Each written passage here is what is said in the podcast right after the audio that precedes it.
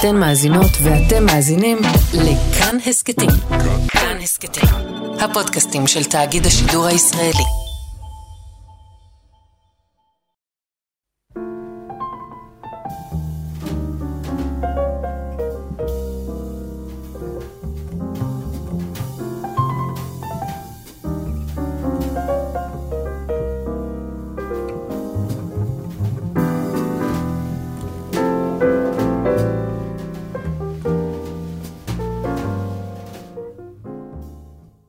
שבת שלום, צהריים טובים, ברוכים הבאים להתבודדות uh, ברדיו כאן תרבות. אני יאיר אסולין, ואיתי השבוע במסע שלנו אסיף uh, רחמים, משורר וחוקר ספרות. וכמו כל שבוע ננסה ביחד לתפוס משהו מה, מהעומקים של השבוע הזה, של הזמן הזה, של מה שמתחולל מסביבנו, גם באקטואליה, אבל לא רק באקטואליה. לרדת הרבה יותר לעומק ולגרד את, ה, את המציאות uh, מלמטה, אולי אפשר להגיד. ואהלן אסיף, קודם כל. שלום, שמח שלום. שאתה פה. שמח מאוד להיות פה. Uh, ואני מרגיש, אשתף אותך באיזו תחושה שלי שדיברתי עליה ב, לא מעט בתוכניות האחרונות, שיש כל כך הרבה רעש מסביב, שכבר כאילו אי אפשר לחשוב כמעט לעומק. כאילו, נכון. כאילו כל פעם שאתה מנסה לעשות את זה, זה מרגיש או פתטי, mm-hmm. כי כאילו העולם עולה באש ואתה עכשיו עוצר ומתבונן, או מצד שני, זה כאילו כמעט אין שדה סמנטי שדרכו אפשר לעשות את זה, כי אין מילים, אין שפה, הדבר הזה שכאילו חומק. כן. ודווקא בזמנים האלה, אני מרגיש שהכי רלוונטי להתחיל שיחה כמו שהשיחה שלנו תהיה אה, בשיר, דרך שירה. כאילו, פתאום שירה, כאילו, היא כבר לא הדבר הזה שהוא nice to have, או שהוא לנשמה.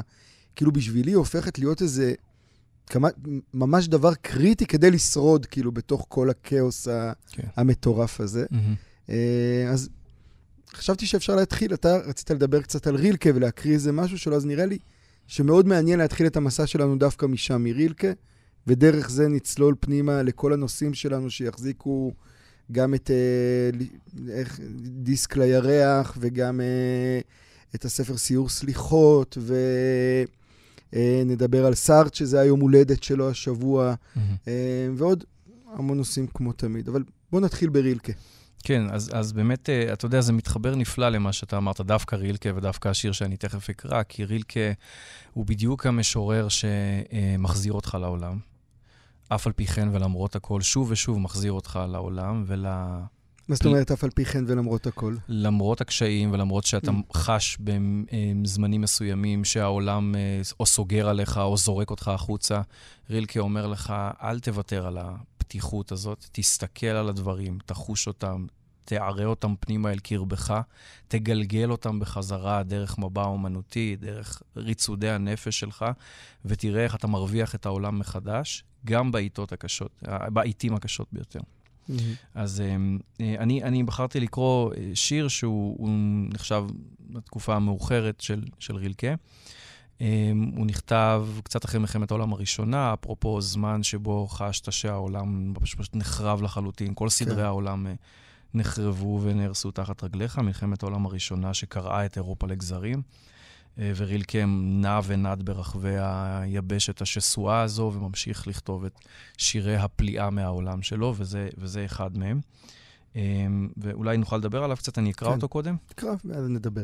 זה שיר שאין לו שם. אה, השירים מהתקופה המאוחרת של רילקה אין להם כמעט שם, למעט שתי החטיבות הגדולות של האלגיות והסונטות. שאר השירים כמעט שאין להם שמות. והוא הולך כך: כמעט כל הדברים טומנים זימון אל רגש. מכל פינה נושב, זכרני נא. יום אשר על פניו נחלוף בשוויון נפש, בבוא הופך למתנה. מי מחשב את היבול? מי המפריד ומי אותנו משנים עברו ומדיר? מה אם לא זאת חזינו מבראשית, שהאחת באחרת את עצמה תכיר? אדיש מתמול בחומנו הוא נדלק. הו בית, מורד, קר, אור דמדומים. פתאום כמעט היו לך פנים, ואתה נתמך בנו, חובק ומחובק. סביב כל ההוויות, חלל אחד נמתח, חלל פנים עולם. הציפורים אין קול, עפות דרכנו. שאומר לגדול, אביט לחוץ, ובי העץ יצמח. אני דואג והבית בי נכון. אני נשמר והמשמרת בי. אהוב אשר הפכתי, בי תשכון דמות הבריאה ביפעתה, גועה בבכי. זהו אלקה. יפה. ורצית להגיד על זה כמה מילים. כן, המושג המפתח כאן אה, הוא מושג שרילקה תובע בשירה שלו וחוזר הרבה, והוא מה שנקרא ולט אינן ראום, מה שמתורגם פה כחלל פנים עולם. Mm-hmm. כן, רילקה מדבר על חילופין מתמידים של, של מרחבים, מרחבי נפש מול מרחבים פיזיים. אומר רילקה, פתח את המרחב הפנימי שבתוכך, חלל פנים עולם שבתוכך, ותן לעולם תן למראות העולם, תן להוויית העולם להיכנס פנימה ולהתגלגל בחזרה החוצה בדמות מילה שירית, בדמות אקט יצירתי, בדמות אכפתיות כלפי הדברים. כן, שים לב אל האבן הקטנה ואל הבית הגדול, ולא רק אל המומנטים הגרנדיוזיים של החיים, לא רק אל המעפלים, לא רק אל אירועי הגבורה, אלא דווקא אל הדברים הקטנים. כל יום שהוא, יש בו פוטנציאל, הוא סף למשהו גדול יותר, התגלות כלשהי, לחוויה אחרת של הישות. עכשיו, הוא לא מדבר על משהו טרנסצנדנטי, כלומר, התחושה יכול להיות שהיא נושקת אל הטרנסצנדנטי, אבל רילקה כל הזמן מחוזר אל העולם, הוא משתקע אל העולם, אל החומר של העולם, אל הדברים עצמם, אל הקורות היומיומיים, אותך, כן? כן, אבל, אבל בעצם הוא אומר משל למשהו הרבה יותר עמוק. ודאי, יש שם, יש שם נימה רליגיוזית שמפעמת כל הזמן כן? אבל, אבל זה, לא, זה לא רליגיוזיות מונותאיסטית, זה מה שאני רוצה mm-hmm. לומר. כלומר, זה משהו כמעט פנתאיסטי, במובן הזה שהוא מקדש, הוא מהלל את כל הנמצאות כולן, בחומר וברוח, ואומר, שים לב, שים לב אל הכל. הכל ישיב לך כגמולך, אם תשכיל להכיר בו, להכניס אותו אל הפנימיות העמוקה שלך, לתת לו לרצד, לפרוט על מיתרי הנפש שלך ולבטא אחר כך את המוזיקה הזאת בדמות מילה שירית, בדמות השיר עצמו.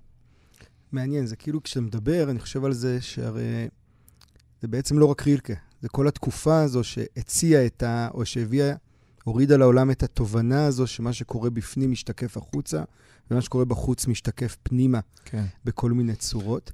וזה mm-hmm. מעניין לחשוב על זה דווקא דרך ה... הזמן שבו זה קורה.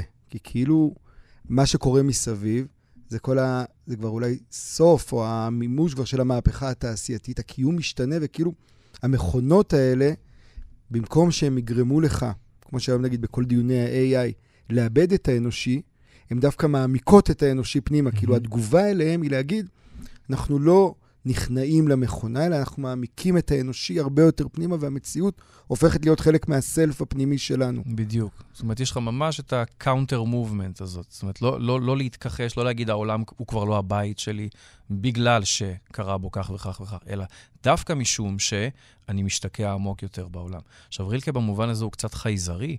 כי מה שאתה מתאר זה בעצם הספיחים האחרונים של הרומנטיקה, של התנועה הרומנטית. Mm-hmm. אנחנו מדברים על העשור, סוף העשור השני של המאה ה-20, כלומר זה אחרי המלחמה הגדולה הראשונה, אחרי הדאדה, אחרי האקספרסיוניזם, אחרי תנועות האוונגרד, ו- ורילקי עדיין מתעקש לאחוז באיזושהי, כמעט תום ביחס לעולם ול, ול, נאיביות ולדברים. כזו. כמעט, אבל זו נאיביות כן. מאוד מחושבת ומאוד מודעת לעצמה, כן. זאת אומרת, זה משורר מאוד מתוחכם, הוא יודע בדיוק מה הוא עושה, והוא מודע בדיוק לזמן שבו הוא עושה אותו. נכון, אני, אני חושב שהוא כאילו, הוא, הוא חלק מה... הוא בסוף יותר מ, מ, מ, מנהל את השיחה הזאת עם פרויד, ומנהל במובן מסוים, הוא כבר יעדד את קפקא קדימה, כאילו המרחבים האלה של, ה, של השיחה, באמת שהפנים והחוץ מתערבבים בהם, mm-hmm. מאוד מאוד חזק. וזה מעניין שבחרת לקרוא את השיר הזה, באמת אפרופו הפתיחה שלי על הרעש הזה מסביב. כן. אמ, בואו נצא לדרך. Yeah.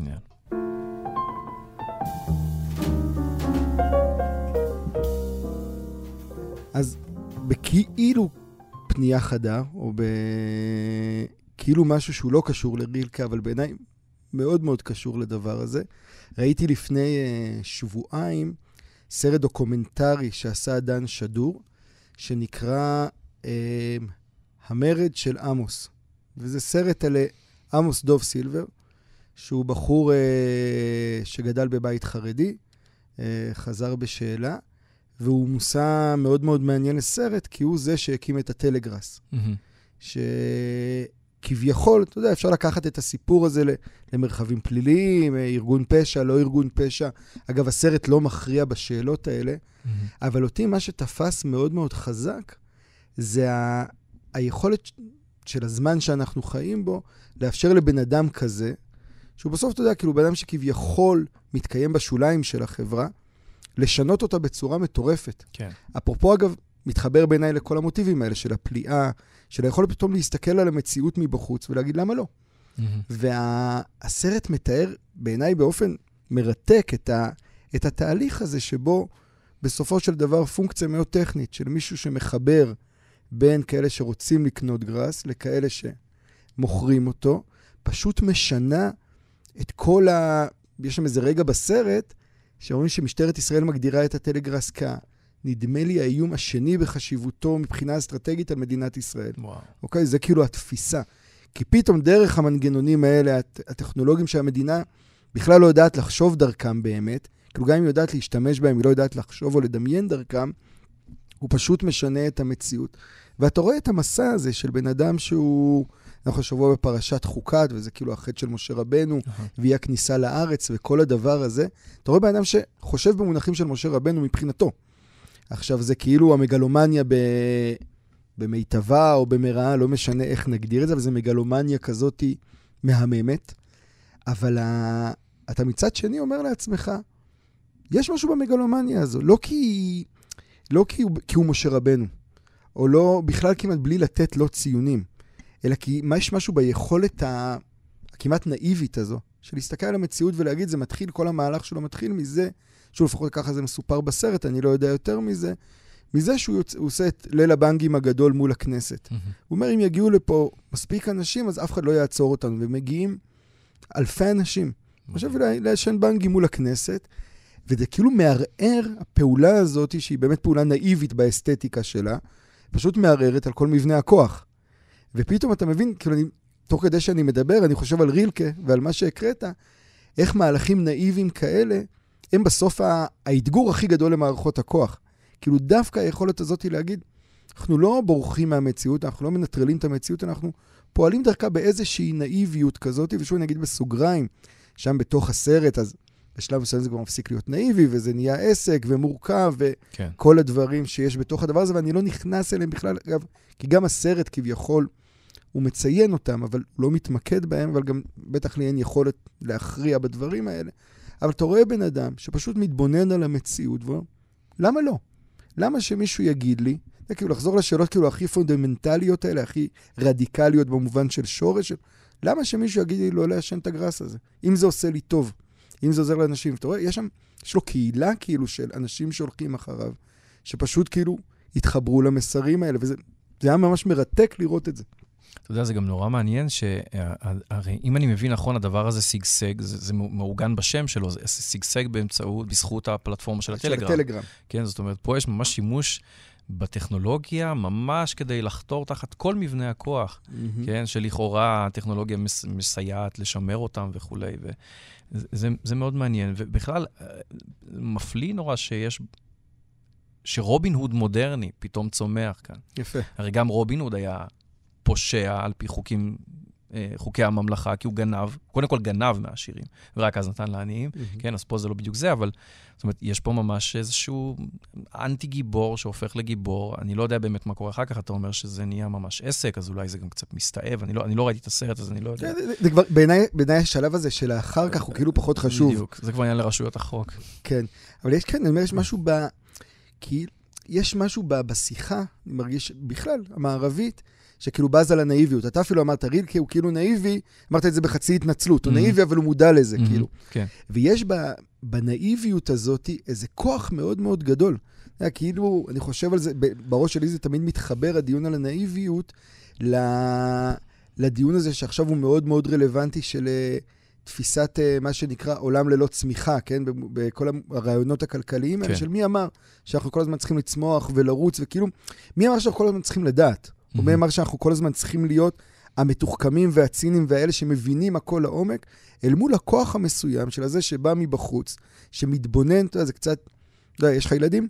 עוד לא. אה, אוקיי. בקרוב. אז נגיד, אז נגיד הבנות שלי הן קטנות יחסית, והדבר המטורף הזה שבו אתה מבין שילדה בגיל שלוש היא בגובה מסוים, והיא רואה את העולם ממקום מסוים, ודרך הדבר הזה היא רואה עליך המון דברים שאתה לא מודע אליהם, דווקא כאילו מהמבט שפשוט נותן ערך לכל דבר שאתה עושה, כי זה הדבר היחיד שיש לה בעולם, פחות או יותר. זה כאילו, זה כוח אדיר, שכשאתה חזק וגדול, אתה כאילו נוטה לשכוח ממנו. כן. ופתאום היום, אתה רואה את ה... זה ממש בסרט, רואים את זה, כאילו איך ה... הקיום על השוליים מאפשר לך לאתגר את המיינסטרים הרבה יותר מאשר אם אתה בתוך המיינסטרים. כן. אני חושב שגם מתחברת לפה שאלת העושר. זאת אומרת, האם, אתה, האם כוח, האם אשליה של שליטה במציאות, האם אשליה של ידע של המציאות, מקנה לך באמת את, ה, את הרוגע, את השקט, או דווקא הג'סטות הנאיביות האלה. הנאיביות עצמה, mm-hmm. האותנטית יותר או פחות, אבל איזשהו קיום נאיבי, או חתירה לאיזשהו קיום נאיבי. להישאר במקום קטן, אבל לא, לא, לא, לא מקטין, לא, זאת אומרת, לא במובן של עלוב, כן? אלא במובן של קטן ביחס, איזושהי צניעות מסוימת ביחס... מינוריות לה, המסוימת. ביחס לה, בכלל, להוויה, לקיום, ליכולת שלך לדעת, כן? זה לא שבהכרח מישהו שלא מחזיק בזה יודע יותר ממך, אבל הוא מחזיק באשליית הידע. ואשליית הידע טובעת, אמרת, אנחנו ציניים ואנחנו מאוד מודעים וכולי. האם אנחנו מאושרים יותר בזכות זה שאנחנו מסתכלים על העולם ופוסלים בסרקזם כל מיני דברים שנראים... האם הג'סטות הפתטיות האלה, הנאיביות האלה, אולי הם קומסים בתוכם איזושהי אה, אמת שהיא, אתה יודע, משהו, קיום הרבה יותר צנוע והרבה יותר פעוט, אבל, אבל לא עלוב. כלומר, אלא... וגם מודע לערך של עצמו. כן, כאילו. יש את ההבחנה, אפרופו באמת משה, זה המתח הזה בין הצנוע לעניו. Mm-hmm, כאילו, mm-hmm. משה אולי היה הענב באדם, והוא לא בהכרח היה צנוע, הוא הכיר בערך של עצמו, כאילו הוא הבין כן. את, ה, את המהלך הזה, והפעולה הזאת היא באמת כאילו של הנאיביות, היא איזה... תוך כדי שאנחנו מדברים, אני ככה, זה מתחדד לי יותר, היא כמעט אקט מוסרי. Mm-hmm. כאילו, נראה לי בזמנים כאלה. לא בטוח, אגב, שבכל רגע בהיסטוריה נאיביות היא הדבר הנכון. יש רגעים שבהם אתה צריך להיות פיקח ולדעת ולהבין. כן. אבל כאילו אני מרגיש שברגעים כאלה, אפרופו הקרקע שנשמטת מתחת הרגליים, אפרופו מלחמת העולם הראשונה, אני חוזר נגיד לטקסטים שרוזנצוויג כותב אחרי מלחמת העולם הראשונה, והטראומה הזאת, אז פתאום הנאיביות הזו של לבוא ולהגיד, רוזנצוויג, אני מדבר על זה באמת בהקשר של הפילוסופיה, אז הוא אומר, בואו נחזור לפילוסופיה הזאת, שבאמת שואלת את השאלות היסודיות. כן. לא הזאת, ש... לא ההיסטוריה של הפילוסופיה, הפילוסופיה שיודעת, אלא האדם הזה שהולך ומתפלא. כן. לא הפליאה הזאת כן. של uh, אריסטו. כן. Uh, נראה לי זה באמת איזה כאילו כלי שאיבדנו אותו, ובסרט הזה, על uh, באמת המרד של עמוס, פתאום אתה רואה את הכוח של זה, כאילו, הבן אדם הזה שהכוח על שלו, הוא הנאיביות המסוימת הזאת שאיתה הוא פועל בעולם. וזה כוח על שהרבה פעמים אנחנו שוכחים אותו. נפלא.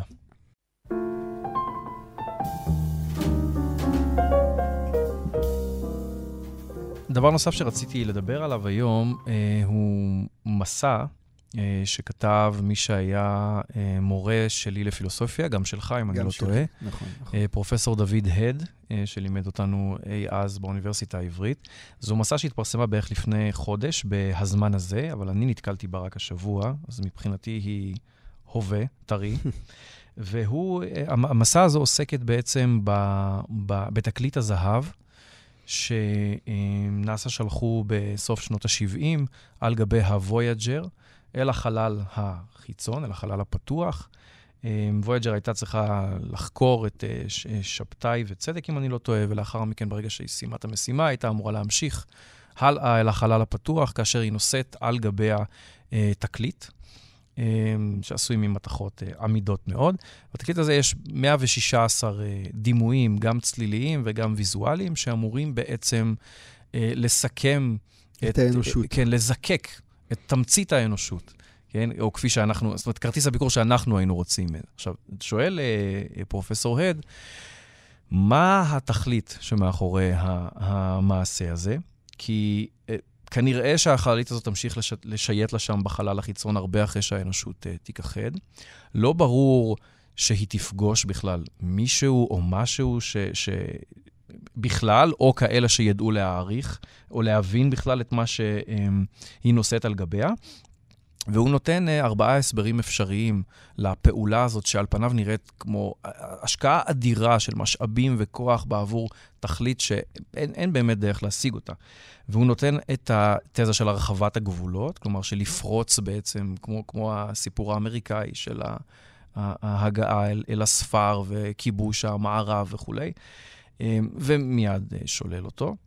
הוא מדבר על משלוח מסר, וגם את התזה הזו הוא שולל, כי א', לא ברור שיש בכלל למי להעביר מסר, וב', בהינתן שיש בכל זאת איזשהו משהו שאפשר לדבר עליו במושגים של חיים, האם בכלל אפשר להעביר לו מסר, האם אפשר בכלל לתקשר איתו וכולי. Mm-hmm. הוא מגיע לתזה של הטבעת החותם, אוקיי? ו- וגם שם הוא מדבר בעצם על מה הערך של, של העמדת מצבה.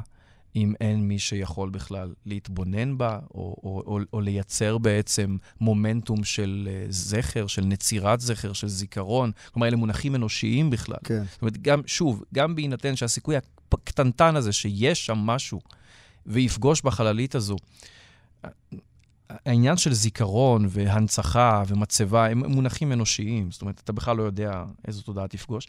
והוא מגיע בסופו של דבר לעניין, אה, ל- ל- ל- פתרון מאוד מעניין, שיכול להיות ששלוש האופציות הראשונות הן, הן מופנות אל החוץ, ובעצם האופציה הרביעית והאמיתית לשיטתו בעצם היא כזו שמופנית פנימה.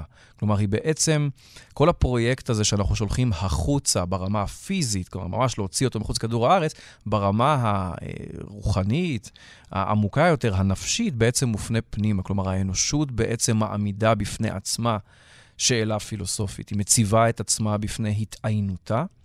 ולאור אופק המוות הזה, אופק ההתבטלות המוחלטת, אומרת, אוקיי, איך אנחנו מדברים עכשיו על סיטואציה של זיכרון, איך אנחנו מדברים על להבין את עצמנו, איך אנחנו מזקקים מתוכנו את המיטב שבנו, לאור העובדה שהנה אנחנו ניצבים בפני עובדת התעיינותנו המוחלטת. כי הוא לא מדבר על עובדת מותנו, mm-hmm. כי כשאדם מת יש הלאה אנשים, אלא הוא מדבר על ממש על ביטול האנושות כן. כולה, על הכחדה מוחלטת של האנושות. וזה פתרון מאוד מעניין. אני לא יודע... אגב, שים לב, אפרופו השיחה שלנו, איך זה גם מהלך רילקי. ממש. זה, זה בעצם מה שהוא אומר, כאילו האקט החיצוני הזה הוא בעצם אקט פנימי. אגב, אפרופו, אני כשקראתי את המסה הזו, לא, אני חושב שזה הזמן הזה הגיע עם הארץ באחת השבועות האחרונים. אה, הפתיע אותי שהוא כתב את הטקסט הזה. מאוד, כאילו לא, מאוד הפתיע. לא טקסט שמאפיין אותו לא, ואת לא. הכתיבה שלו. אה, כן הרגשתי שזה בעיניי, כאילו האסוציאציה שהייתה לי כשקראתי את המסה הזו, הייתה קצת המחאות שקורות היום. כאילו במובן מסוים, הרי מה בעצם הוא אומר? כל האקט הזה של לזקק את האנושות, זה קצת אה, לעשות לעצמך, זה המסיבת פרידה של דן בן אמוץ, אוקיי? זה mm-hmm. לעשות לעצמך את המסיבת פרידה של עצמך. כן, כן. או הדבר הזה. וכאילו, זה אקט שהוא... וזה כאילו המקום שבו אולי אפילו אני הסתבכתי איתו קצת, זה כאילו אקט של מודעות, שהחוסר מודעות מאוד מאוד עמוק בתוכו. Mm-hmm. כאילו אנחנו מודעים להתאיינות שלנו, ואנחנו עושים את האקט הזה כדי להתמודד עם ההתאיינות שלנו, אבל בעצם אנחנו עושים את האקט הזה כדי להדחיק את ההתאיינות הזאת שאנחנו מתמודדים איתה. יפה. וזה קצת, ה... אני חושב על המחאות היום, יש, לא, כל, לא כולן כאלה, אבל חלק משמעותי מהאנרגיות שלהם הוא קצת כזה. כאילו, העולם מתפרק, משתנה, מהותית, האנושות, כמו שהכרנו אותה, מתעיינת, אוקיי? נולדת, היא נולדת מחדש בהרבה מישורים. ואז אנחנו יוצאים באקט הזה, שכאילו בעיניי הדיסק הזה, נגיד ההמחשה הישראלית שלו, התקליט הזה, ההמחשה הישראלית שלו, היא החזרה הזאת להכרזת העצמאות. Mm-hmm. פתאום כאילו אנחנו נאחזים בדבר, בתמצית ההיא שהייתה לנו, כן. ואנחנו מעמידים אותה מחדש ואומרים, העולם, תראה, זו התמצית שלנו. כאילו, הלקדש, mm-hmm. הרי בסוף בלשלוח משהו לחלל זה כמעט, זה באמת אקט של קדושה, לא כמעט, זה אקט של לקדש משהו. נכון. זה בדיוק להקדיש אותו ל universe האינסופי הזה. נכון. וזה כאילו סתם, זה מעניין המתח הזה בין איך לפעמים מודעות היא כאילו הכלי הכי טוב כדי להדחיק. במהלך הזה שהוא יצא. יפה מאוד, יפה מאוד. אני חושב שכן, יש שם, הוא, אני, אני חשתי שהוא עושה הנחה מסוימת למין האנושי. אה, כמו שאתה אומר, גם להיעדר המודעות שלו, גם לאיזשהו ממד של נרקיסיזם מסוים ש, שקיים שם, וגם לעובדה שיש אה, שם אקט שהוא מין אקט כמעט פתטי, שהוא נובע בסופו של דבר מדבר מאוד אנושי, והוא הוא, הוא, הוא באמת האימה הזאת מפני ההתעיינות. Mm-hmm. והעניין של האימה, של הפחד שדוחק אותך למעשה, שהוא אבסורדי בסופו של יום, לא כל כך נידון שם במסע הזאת, אלא הוא הולך למקום אחר, כן? של תרגיל בחיפוש אחר משמעות. כן. של תרגיל של בוא נזקק מתוך, מה, מה הדבר הטוב ביותר שאנחנו יכולים להוציא מתוך עצמנו. אז בוודאי זה שם. אבל יש שם גם משהו שאני חושב שהוא רגש קצת יותר... אה, אולי אותנטי, בוודאי לא כל כך מודע לעצמו, או מודחק ברמות מאוד חזקות, ברמת פן אנושית, והוא באמת האימה האדירה הזאת מהעובדה שאתה פשוט כלום. אתה, שאתה, אני מדבר על, על אתה כמין, כן, כן? כן. אתה, אתה אפיזודה קטנה וחסרת משמעות בתוך כוח טבע, בתוך סטיכיה אדירה ואדישה לחלוטין לקיום שלך. בייחוד שזה קורה, הרי כאילו הפרויקט הזה של להגיע לחלל מלכתחילה הוא תוצר של, ה, נגיד, של המאה ה-50 שנה האחרונות, שהמהלך הכי גדול שהם עשו הרי, זה להרוג את אלוהים ולשים את האדם באמצע. Mm-hmm. כאילו, במובן מסוים, האימה היא לא... אני חושב, נגיד, שאם היית אומר לבן אדם לפני 400 שנה, תשמע, אתה כלום. לא חושב שזה היה כל כך מאיים עליו. אני כן. גם חושב שאתה רואה את זה מבחינת ה... אפילו פרויקטים מחשבתיים ותרבותיים. לא הייתה אימה מזה שאדם הוא כלום, ההנחה הייתה שהוא כלום, ואז mm-hmm. מה אנחנו עושים עם הכלום הזה? Mm-hmm. ופתאום נוצר ההיפוך הזה, נגיד, במאה השנה האחרונות מאוד מאוד חזק, שבו האדם הוא מרכז העולם. כן. האדם הוא היוניברס. הרי בסוף נגיד, אני תמיד אומר שאי אפשר לחשוב על משבר האקלים, למשל, בלי להבין את המחשבה הזאת, שבני אדם אמרו לו, הגדירו את עצמם כמרכז העולם, ואז אתה סוחט את העולם עד תומו כדי להצדיק את האדם. Mm-hmm, כן, mm-hmm. שזה המהלך הזה, שאם לא משנים את הפרדיגמה הזו, זה לופ שאי אפשר לצאת ממנו. כן. והאקט וה, הזה, כאילו, של החרדה, הוא כאילו הוא בחזקת פי כמה דווקא בגלל זה, כי פתאום ממרכז העולם, אתה מבין שאתה באמת כלום בעולם.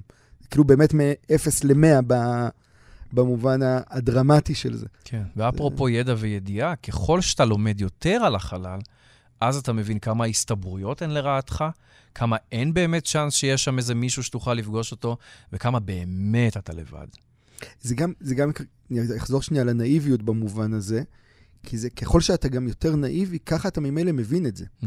כאילו, הרי מה, הרי שוב, אפרופו מודעות ואשליה, האשליה, להפוך את עצמך לאלוהים, זו האשליה הכי גדולה שאתה יכול ליצור לעצמך, אבל היא גם כאילו הפאול הכי גדול שאתה יכול לעשות. בוודאי. כי כל בן אדם שהולך בעולם מבין שהוא לא כזה, מבין שהאנושות היא לא כזו. בוודאי. וזה מתח כזה שאנחנו הדחקנו אותו המון המון שנים, ואני מרגיש עכשיו שהוא צף מהמון המון כיוונים. כן. כאילו, במובן מסוים אני עכשיו חזר, כאילו, כשחשבתי על השאלה הזאת, למה הוא כתב את הטקסט הזה עכשיו, נראה לי שזה הסנטימנט, נראה לי שזה הדור הזה שגדל עם תפיסת עולם מסוימת, שנשברת לו עכשיו. יש תחושה של פטליזם. יש תחושה של פטליזם, ותחושה גם של חוסר משמעות מאוד מאוד עמוק, בשביל מי שם, כל המשמעות הייתה זה, כאילו הפרויקט שנתן את המשמעות מתפוגג, כן. גם בהקשר הישראלי וגם כמובן בהקשר העולמי, בטח המערבי.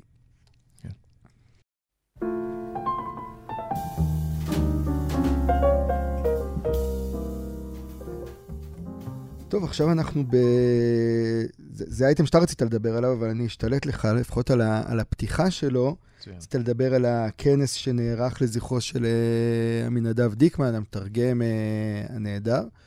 ואתה יודע, תמיד כאילו, שגם למדתי אצלו באיזה קורס או שניים, וגם קראתי תמיד את התרגומים שלו, אבל תמיד הזיכרון שלי ממנו, אני חושב שכשהוא נפטר, דיברנו על זה פה. פעם נסעתי בקו... איזה קו זה מתל אביב ל- לירושלים? יש 480 ויש 400... זה שיוצא מהתחנה המרכזית, 405, נכון? כן.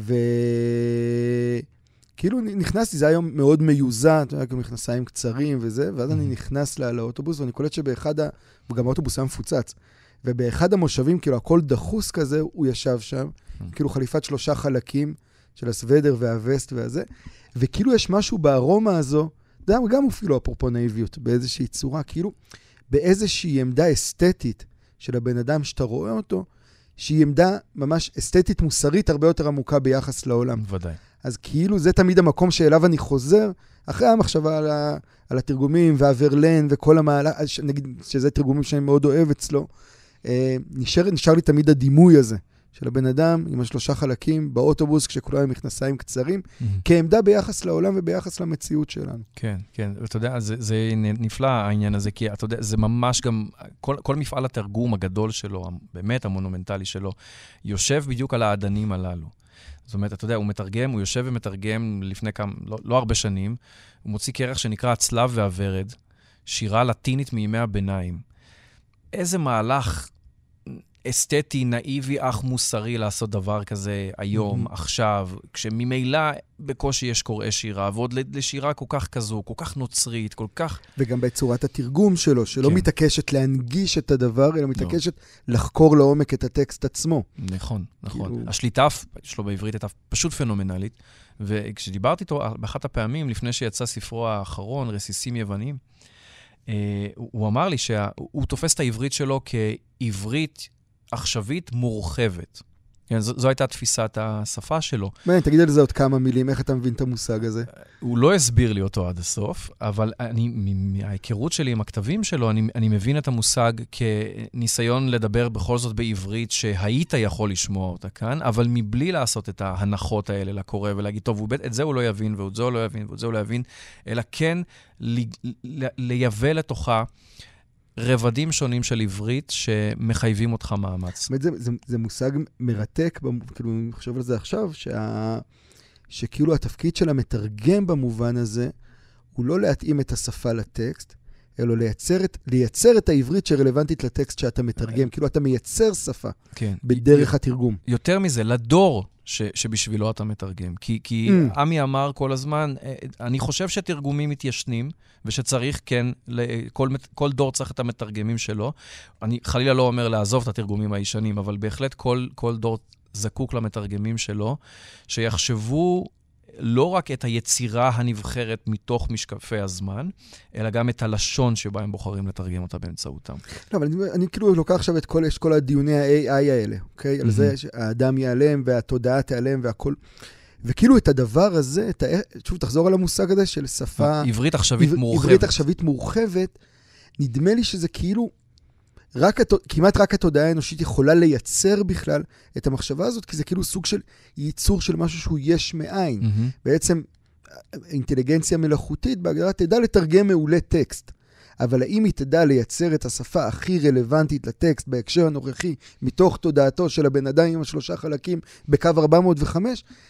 הרבה יותר מורכב. שנוקט באסתטיקה כעמדה מוסרית, בדיוק, ו- שנוקט ולא באסתטיקה- עושה הנחות לבני הדור שלו, למרות שהוא כותב לבני הדור שלו. כאילו, כאילו פתאום כל הדיון הזה, אתה יודע, בכלל יש את הדיון שהוא באמת הרבה יותר רחב, ואנחנו מדברים עליו פה הרבה, שכאילו באמת למול האינטליגנציה המלאכותית, שה... שכאילו את השכפולים יהיה אפשר לעשות, אבל את האקזמפלרים הייחודיים שתודעות מסוימות מייצרות בהקשרים מסוימים, כן. כמעט בלתי אפשרי לייצר. את הראשון, את שאחר כך הראשון הזה, משכפלים בדיוק, אותו. ה- שבסוף זה המעשה הספרותי, תמיד המעשה הספרותי הוא כאילו שם, הוא, ב... כן. הוא בראשון הזה, לא באינסוף שכפולים אחרי זה. האומנותי, האומנותי בכלל. ואפרופו, זה גם מתחבר כמובן לדיונים, לדיון הקודם שלנו, על, על מורשת, על זכר, על זיכרון, על מה אני משאיר הלאה, איך אני משאיר הלאה. אחד הדברים שעלו בכנס, וטוב שעלו, זה המסירות הבלתי רגילה של, של פרופסור דיקמן, של עמי, לתלמידיו, וממש השליחות שהוא ראה בלהעמיד דור של uh, תלמידים.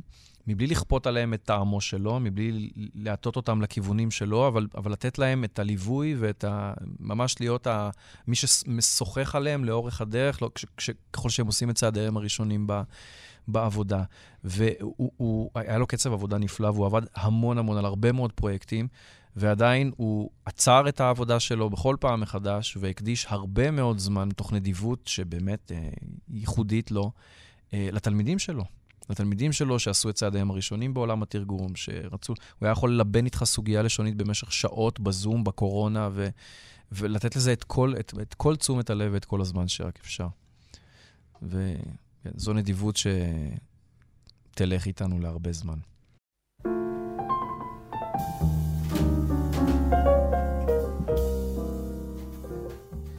כהמשך. לאייטם הקודם שלנו, אני רוצה לספר, לדבר על ספר שיצא, לא ספר, זה פרויקט אה, שיצא לאור השבוע, זה פרויקט שמכיל ספר ושני אלבומים בעצם, וזה ספר, או פרויקט שנגיד הכותר, הספר נקרא סיור סליחות, שרק אני אגיד בשביל הגילוי הנאות, שבאמת הייתה לי הזכות לכתוב לו את אחרית הדבר. זה פרויקט שיצר אותו, יצר, ערך מישאל וקנין, וזה פרויקט שבעצם מנסה לחזור, או לא לחזור, הוא ניגש לכל הקורפוס האדיר הזה של הסליחות, בעיקר הסליחות הספרדיות, מנסה להתבונן עליו ולייצר לו איזשהו, איזושהי מעטפת, או איזושהי עטיפה בדבר הזה, כשיש הרבה מה להגיד על, ה, על הפרויקט, אגב, יש שם טקסטים מאוד מעניינים שנכתבו, mm-hmm. המון כתבי יד, צילומים של כתבי יד, באלבומים יש גם הקלטות אה, מסורתיות, או נקרא לזה קלאסיות של הפיוטים, וגם ביצועים חזק, חדשים של שי צברי ונטע אלקיים ואחרים. אבל מה שאני רוצה לדבר עליו פה, ובעיניי זה מתחבר, אה, כדרכן של שיחות טובות, זה החיבורים האלה שנוצרים תוך כדי השיחה, באמת לשיחה הקודמת שלנו על, אה, על אה, עמינדב דיקמן, זה האקט הזה שהוא בעיניי מאוד מאוד משמעותי, של לעשות קנוניזציה לדבר העממי הזה. כלומר, הסליחות קיימות במרחב המון שנים, בכל מיני צורות, כולנו מכירים אותן ככה או אחרת. כן. ויש משהו באקט הזה של לקחת אותן ולייצר להם איזה ספר מאוד מרשים וגדול במימדיו כזה, ולעשות את האקט הזה של קנוניזציה, של לקחת דברים ולהכניס אותם כאילו גם למדף הספרים, גם למדף התקליטים, אבל גם מתוך איזושהי תודעה שהיא אתה יודע, היא תודעה של נאותות כזו. Mm-hmm. היא תודעה שאתה לוקח את הדבר, אתה באמת מכבד אותו, ועל ידי זה שאתה מכבד אותו, אתה באמת מרומם אותו למעלה. כן. וזה דבר שהוא, אתה יודע, כאילו יש המון שיח בהקשר המזרחי, בהקשר של שיח הזהויות, והדברים הם נכונים. אני כותב אותם, אני חושב שרובם נכונים. אה, אבל יש משהו באקט כזה, שבו אתה פתאום לוקח את זה ואתה אומר, אני לא עכשיו אה, מסמן את הבעיות, אלא אני מייצר פרויקט קנוני. אני לא מכיר פרויקט קנוני בסדר גודל הזה, mm-hmm. סביב משהו שהוא באמת במרחבים אה, הספרדיים בכלל, אוקיי. כן. ובטח סביב הסליחות. אני מייצר פרויקט קנוני שייתן או יעמיד את הדבר הזה כאילו במרכז השיחה הישראלית. בעיניי זה אקט שהוא ראוי להערכה, והוא גם, הוא, הוא ראוי להשתתפות של האנשים בו. Mm-hmm. כאילו זה לא... אני חושב שאם הפר... הספר הזה יהפוך להיות אבן שאין לה הופכין, זאת תהיה החמצה מאוד מאוד גדולה, אל מול איזושהי אפשרות באמת לייצר מהפכה תרבותית, כן. אוקיי? להילחם בדברים האלה דרך הכלים האלה של קאנון, דרך הכלים של יצירת תודעה ושיחה, ולא רק דרך הכלים של סימון, כאילו, של ביקורת. אני חושב שבהרבה מאוד מקרים זה גם, הרבה, זה גם הרבה יותר אפקטיבי. ההשפעה היא לא תמיד כל כך דרמטית מיד, כמו לחולל איזה, אתה יודע, סקנדל. יש לזה גם את המקום שלו, כמובן, אבל הדברים האלה יש להם אה, איכויות של, אה, של חלחול עמוק ולאורך זמן. והרבה מאוד פעמים הדברים האלה הם... הם משמשים כאיזשהו סוג של הכשרת קרקע, כאשר אתה כבר מבקש להציף איזשהו משהו במפורש על פני השטח, פתאום הרבה יותר קל לך, כי, כי יצרת איזושהי הנגשה לא מודעת, תרבותית, קירבת אנשים דרך טקסט, דרך תפילה, דרך מוזיקה, בצורה שהיא הרבה יותר טבעית והרבה יותר אורגנית. דיונים פוליטיים מיד, אתה יודע, כל אחד מיד עוטה על עצמו את השריון, כן. מתמקם בפינה שלו, וכבר מוכן להדוף מתקפות. אני חושב, אני חושב שניסחת לי משהו שהוא מאוד מאוד מדויק, בעצם דיברת... לייצר קאנון זה בעצם לייצר תשתית. Mm-hmm. כאילו, הרבה פעמים אני מרגיש שהשיח הזה, ששיח הזהויות, קל לתת לו לזרוח ולפעול ולצעוק במרחבים הלא תשתיתיים, במרחבים החולפים, כן? באמת תקשורת המונים, כן. במרחבים האלה שלא מחלחלים, mm-hmm. או מחלחלים מעט מאוד. אבל פתאום, וגם אגב, זה כאילו הרבה יותר סקסי באמת, והרבה יותר אה, כן. עושה את הרעש שלו, וכאילו מתגמל ברמה המיידית. אבל אתה מאוד מאוד צודק ש... אם רוצים באמת לייצר שינוי, אז צריך לחזור למרחבים התשתיתיים הרבה יותר, של החלחול האיטי, של הקצב, של מה שתרבות עושה. כאילו, אני מרגיש שבאופן כללי, אה, ואולי זה קשור אגב גם לישראליות. בהרבה מובנים. לישראליות אין, אני חושב שאין לה הערכה לתרבות כתפיסה. היום במיוחד? אה, לא, לא, אני חושב מאז ומעולם, אני חושב שהפרויקט הציוני, כמעט התרבות הייתה... ה, ה, הוא יצא נגד היהודי הזה. המחלחל, האיטי, הזה שממתין למשיח, והביא כאילו את הדברים לפה. ולכן אני מרגיש שבשיח הישראלי אין באמת את ההבנה הזאת שתרבות משנה מציאות. אגב, בסוגריים נגיד, גם על זה דיברנו פה לא מעט פעמים, אני חושב שהימין מבין את זה הרבה יותר טוב מהשמאל. Mm-hmm. הימין במובן מסוים בשנים האחרונות משקיע הרבה כסף כאילו בתרבות כזו, okay. כן. וזה מייצר באמת את התשתיות ואת החלחול שאתה דיברת עליו. ופה באמת כאילו יש איזה אקט כזה של, של פשוט להעמיד את הדבר כתשתית, ככביש חדש mm-hmm. בתוך השיחה הישראלית.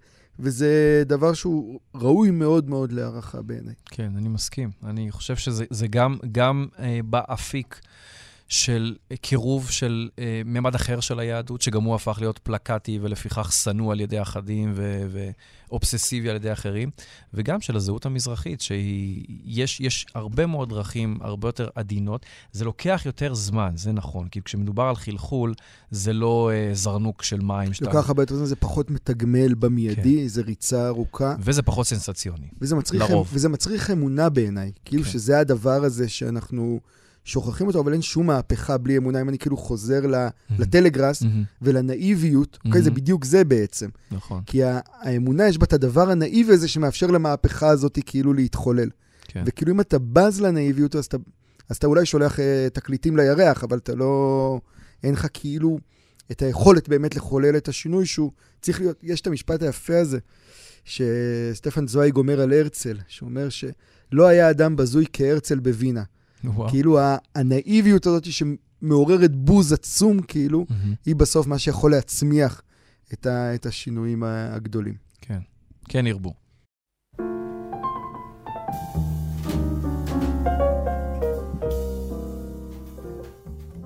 טוב, אז אנחנו ממש בסוף, ותודה על השיחה הזו. תודה לך. היה לי מאוד מאוד מעניין, ולחשוב איתך ביחד. ואני רוצה לסיים את השיחה שלנו, ב, כמו שאמרנו בפתיחה, ה-21 ל- ליוני זה יום הולדת 118 של ז'אן פול סארט, שהוא פילוסוף שאני מאוד מאוד אוהב, כן. אה, גם סופר שאני מאוד אוהב, ואני חושב, אגב, שאני מרגיש שהוא הוא, הוא כמעט מוחמץ היום. Mm-hmm. כאילו, אני מרגיש שיש משהו בעמדה שלו שהיא לא... שכאילו קשה לקטלג אותה, ודווקא בגלל שהוא כאילו כוכב גדול, וכאילו כולם מכירים את השם, שבאמת אנחנו מחמיצים איזו אמירה מאוד מאוד משמעותית שלו דווקא על הזמן הזה, ועל תהליכים שהוא קלט לעומק, בטח ההונאה העצמית, ומגמות, האחר, ההתבוננות, המבט, הרבה דברים שאפשר לתרגם אותם להמון המון מרחבים, ואני רוצה לסיים את השיחה שלנו. ב... התלבטתי, הבאתי כמה ספרים שלו פה, הבאתי את הספרות מאי וחשבתי בהתחלה לקרוא ממנה, כן. אבל אני רוצה לסיים את השיחה שלנו באופן שבו הוא מסיים, כנראה את השיחה הפומבית האחרונה שהוא עשה, פומבית כי הוקלטה, שיחות שלו מתוך הספר תקווה עכשיו, שזה שיחות שלו שנויות במחלוקת, ראוי לומר, mm-hmm. עם בני לוי, אה, שהיה המזכיר שלו, פייר ויקטור, בני לוי, שאחר כך גם חזר בתשובה ועלה לארץ ונפטר פה בירושלים. וכך הוא מסיים את, ה, את השיחות האלה בעיניי בטקסט שהוא לא יכול להיות רלוונטי ממנו mm-hmm. לזמן שאנחנו חיים בו. הוא אומר ככה: לכל האומות יש היום ימין מנצח. מאידך, המלחמה הקרה נוטה לחזור. הפלישה לאפגניסטן היא עובדה מטרידה במיוחד. אומר את זה ב-1980. Mm-hmm. מלחמת עולם שלישית אינה בלתי אפשרית, ובייחוד למען עקרונות שהם תמיד לא ראויים, שלא בחנו אותם כהלכה. הפלנטה היא היום של העניים מצד אחד, והם עניים מרודים הגוועים ברעב, ושל, ושל מעט עשירים מהצד השני, המתחילים לי, אולי להיות פחות עשירים, ובכל זאת עדיין נהנים מעולמם. אם מלחמת עולם שלישית, אז, שלישית זו העלולה לפרוץ יום אחד, עם מכלול אומלל זה שהוא הפלנטה שלנו, הייאוש שב ומפתה אותי. הרעיון שלעולם לא נתגבר על כל זה, שאין מטרה, שקיימות רק תכליות קטנות פרטיקולריות שעליהן נלחמים. עושים מהפכות קטנות, אבל אין תכלית אנושית. אין משהו המעניין את האדם, רק אי סדרים. אפשר לחשוב דבר כזה. הוא מפתה, מפתה אותך ללא הרף, בייחוד כשאתה זקן ויכול לחשוב, ובכן בין כך ובין כך עמוד בעוד חמש שנים לכל היותר. בעצם אני חושב על עשר שנים, אבל זה בהחלט יכול להיות חמש. בכל אופן, העולם נראה מכוער, רע וחסר תקווה. זה הייאוש השקט של זקן שימות בתוך כל זה. אבל בדיוק אני עומד מול זה, ויודע שאמות בתקווה, אלא שתקווה זו טעונה ביסוס. יש לנסות להסביר מדוע העולם של ימינו, שהוא איום אינו אלא רגע בתוך, התפתחות, בתוך ההתפתחות ההיסטורית הארוכה, שהתקווה הייתה תמיד אחד מן הכוחות המכריעים במהפכות ובהתקוממויות, ואיך זה שאני עדיין חש את התקווה כתפיסת העתיד שלי.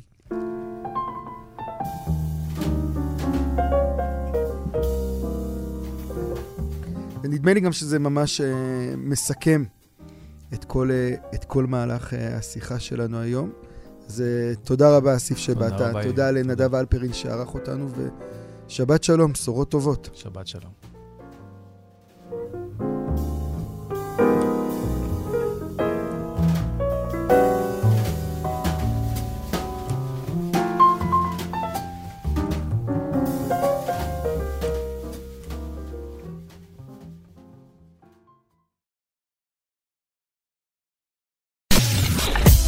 אתן מאזינות ואתם מאזינים לכאן הסכתים.